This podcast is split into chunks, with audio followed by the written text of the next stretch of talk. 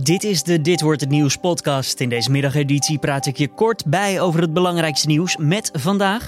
De EMA oordeelt over het Janssen-vaccin. Druk op de zorg nog altijd onverminderd hoog. En unieke geboorte in Safari Park Beeksbergen. Mijn naam is Julian Dom. Het is dinsdag 20 april en dit is de Nu.nl Dit wordt het nieuws middagpodcast.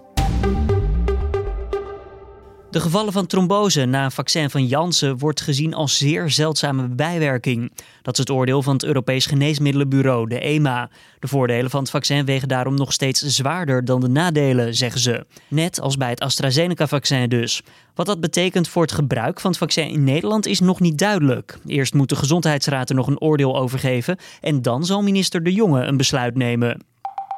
De hoogste instroom van nieuwe coronapatiënten sinds tijden. Terwijl het kabinet vanavond versoepelingen van de coronamaatregelen zal aankondigen, melden ziekenhuizen de hoogste instroom sinds eind vorig jaar. Volgens cijfers van het Landelijk Coördinatiecentrum Patiëntenspreiding zijn de afgelopen dag 327 patiënten met corona opgenomen.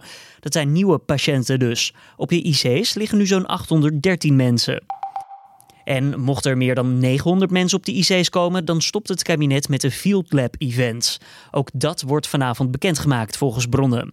Naast het onder voorwaarden openen van de terrassen en het beëindigen van de avondklok wordt het ook weer mogelijk om theorieles voor je rijbewijs te volgen en winkelen zonder afspraak zou bij de versoepelingen horen. De persfotograaf die gisteravond met zijn auto in een sloot werd geduwd in het Gelderse Lunteren zegt overal pijn te hebben. De fotograaf wilde foto's maken van een brand toen hij werd aangevallen. Zijn auto werd met een shovel ondersteboven in de sloot geduwd, waardoor de man en zijn vriendin vast kwamen te zitten. De politie heeft inmiddels twee mensen aangehouden. En de enige kuifmangabe-baby ter wereld die in een dierenpark te zien is, is begin april in Safari Park Beeksbergen geboren. Desondanks hebben de dierenbeschermers zelf nog wel wat moeite om het diertje te zien, want de moeder blijkt erg beschermend te zijn over haar jong. Het is dan ook nog eventjes de vraag of het nou om een mannetje of een vrouwtje gaat. Wel wijst in ieder geval alles erop dat het goed gaat met de baby. Nou, de kuif Mangabe is te herkennen aan de kuif. Het woord zegt het al, of tenminste de naam zegt het al, bovenop zijn kop. Hij gebruikt deze namelijk om te communiceren. Nou, normaal gesproken staat die kuif recht omhoog, maar als de dieren zich bedreigd voelen, beweegt de kuif een beetje op en neer.